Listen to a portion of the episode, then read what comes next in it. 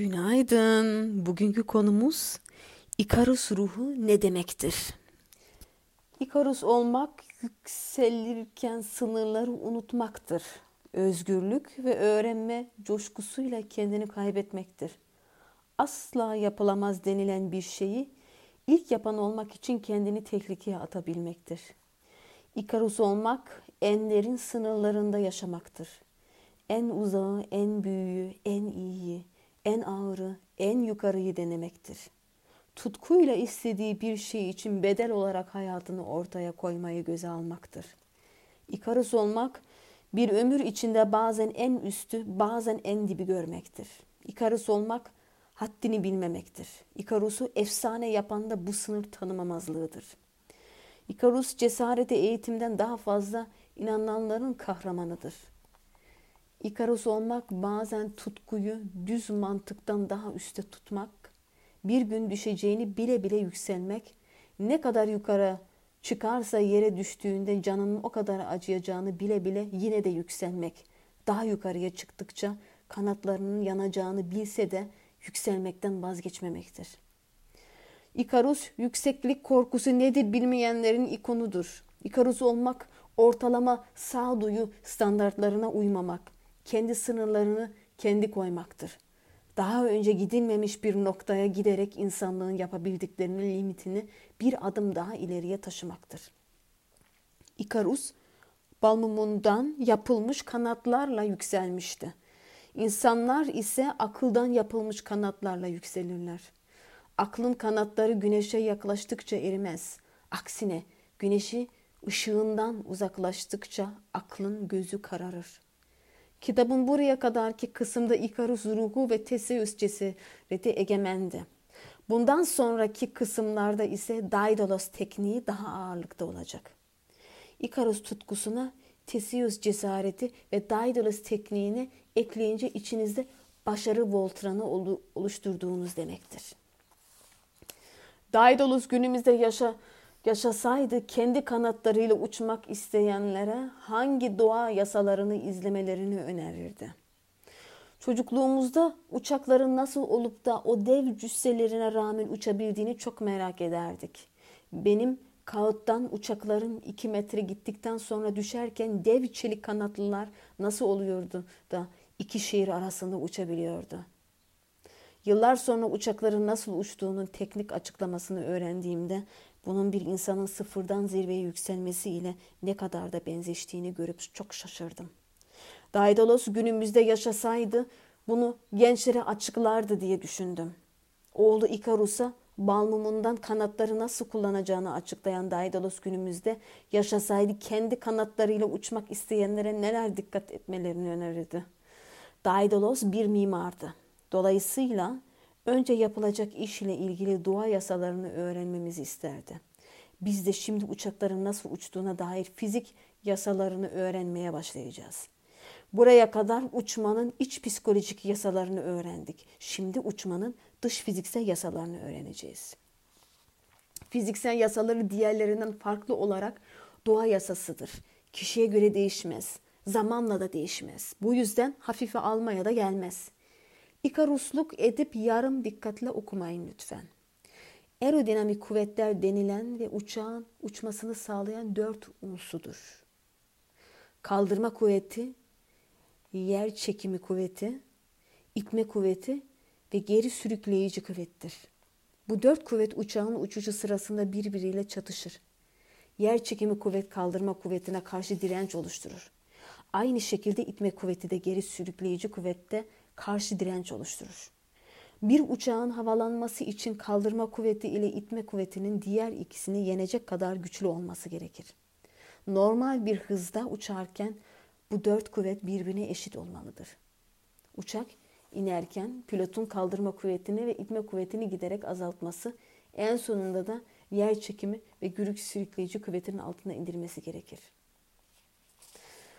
Bir insanın kariyerinde yükselmesi tıpkı uçağın yükselmesindeki gibi birbiriyle çatışan dört kuvvetin sonuçlarına bağlıdır. Bu dört kuvvet akıl gücü, ayak bağları, atalet direnci ve azim gücüdür. Buna kendi kanatlarıyla uçmanın dört A yasası diyebiliriz. Dört kuvvetin çatışmasının sonucuna göre insan yükselir ya da alçalır. Yerinde sayar ya da geriye sürüklenir.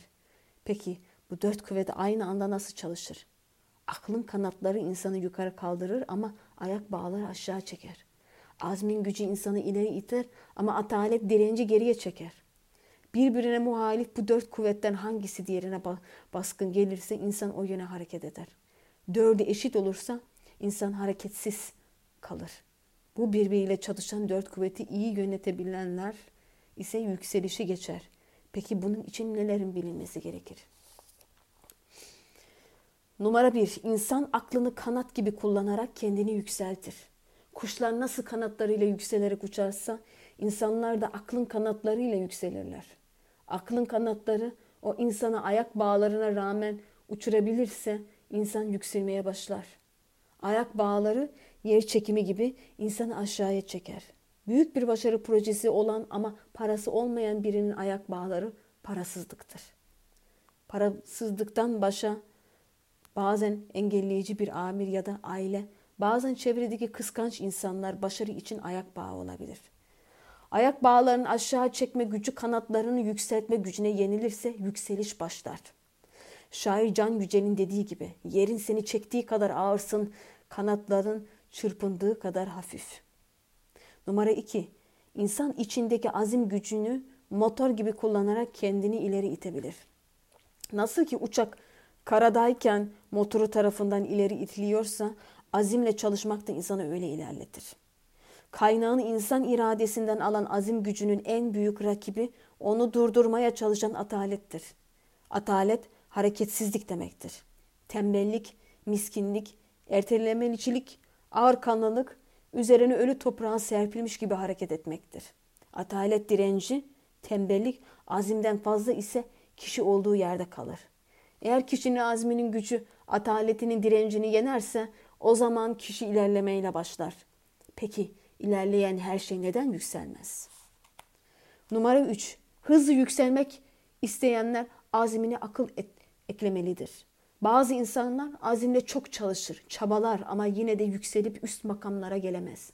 Bu kişiler zamanla çalışmanın gücüne inançlarını yitirip bu ülkede çok çalışmakla bir yere gelinmiyor demeye başlarlar. Bu durum bir otomobilin uçak pistinde son sürat ilerlerken sadece ilerleyip yükselememesine benzer. Sorun şudur. Azim ilerletir ama insanı yükselten akıldır. Azim ileri iten motordur ama akıl insanı yükselten kanatlardır. Azimli olduğu kadar akıllı da olan, azmine akıl ekleyen bir kişi bu sorunu çözecektir. Numara 4. Kanadı açık halde ilerlerken en önemli nokta take off noktasını kaçırmamaktır. Başarılı bir kariyer yükselişi de bir uçağın kalkışı gibi üç şeye bağlıdır. Doğru zaman, elverişli zemin ve uygun iklim.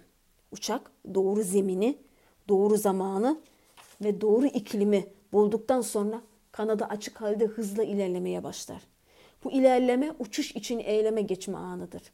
Kalkışla beraber tekeri yerde olmanın sınırlayacaklarından kurtulur uçak. Uçağın tekerlerinin yerden kesildiği ana take off anı denir. İş dünyasında da take off terimi ayakların yerden kesildiği nokta. Kanatlanıp uçulan an anlamında kullanılır. Doğru zamanı, doğru zemini ve uygun iklimi bulduğunda hemen harekete geçip take off noktasına ulaşıp ayaklarını yerden kesemeyenler bu üçlüden herhangi birindeki ani değişiminden sonra fırsatı kaçırabilirler. Bu yüzden doğru zamanı, doğru zemini ve doğru iklimi bulunca hemen ayaklarını yerden kesecek. Doğru bir hareket yapmak gerekir. Numara 3. Yerde sürünürken başka havada süzülürken başka kurallara uymak gerekir. Uçak ayakları yerden kesilmeden önce piste giderken otomobil gibidir. Havada kendi kimliğini bulur, kendi olur. Karadayken ait olmadığı yerdedir. Fil gibi hantalardır. Fakat uygun zeminini bulunca birden hızlanır. Doğru zeminde birden hızlanarak yükselmeye başlar. İnsanların ilk yükselişleri de böyledir. Yükselişle beraber uçağın tekerlekleri yerden kesilir ve artık zemindeki kuralların dışında bazı kuralların izlenmesi gerekir. Bu başarılı olmak için kullanılan bazı yolların başarılı kalmak için yetmemesine benzer.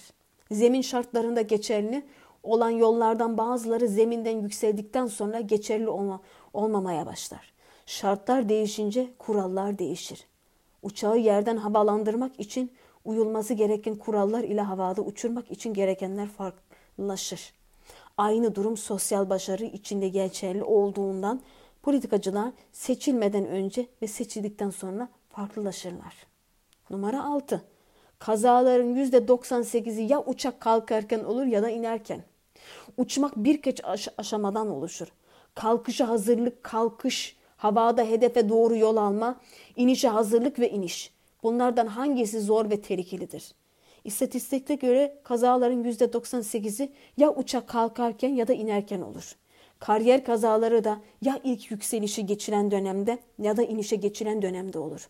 Bazıları doğru başlayamadığı için başarısız olur. Bazıları doğru bitiremediği için.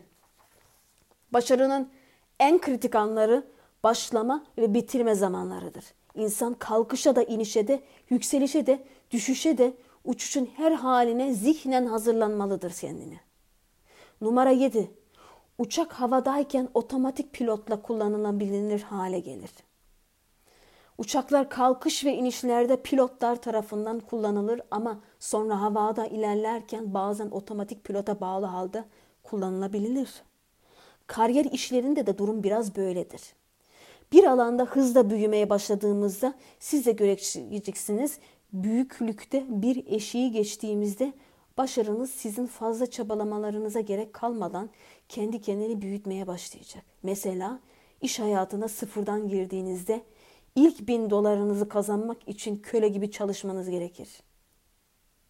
Yüzüncü bin dolarınız için o kadar çaba gerekmez. Hatta eğer bir gün bankadaki paranız 1 milyon doları geçerse 1000 dolar için hiç çalışmanız gerekmez. Servet gibi şöhret içinde bir kritik eşik vardır. Medyada ilk haberlerinizin çıkması için çok çaba harcamanız gerekir ama hakkınızdaki haber sayısı bir eşiği geçtiğinde siz istemeseniz de ki çoğunlukta istemezsiniz medya hakkınızda sürekli haber yapmaya başlar. Şöhretiniz sizden bağımsız bir şekilde büyümeye başlar. Çabasız bir şekilde ününüz çoğalır. Çünkü kritik eşiği geçince her şey kendini büyütmeye başlar. Başarıda, şöhrette, servette başlangıçta zordur ama bir eşiği geçtikten sonra bu durum yükselen roketin yer çekiminin etkisinden çıkmasına benzer. Az çabayla çok büyüme kolaylaşır. Dilerim bir gün başarınızın kendi kendini büyütmeye başladığı o eşiği geçersiniz. Bu eşiği geçince başarınız başarı doğuracak. Geçemediğiniz sürece başarı için dokuz doğurmaya devam etmek zorunda kalacaksınız.''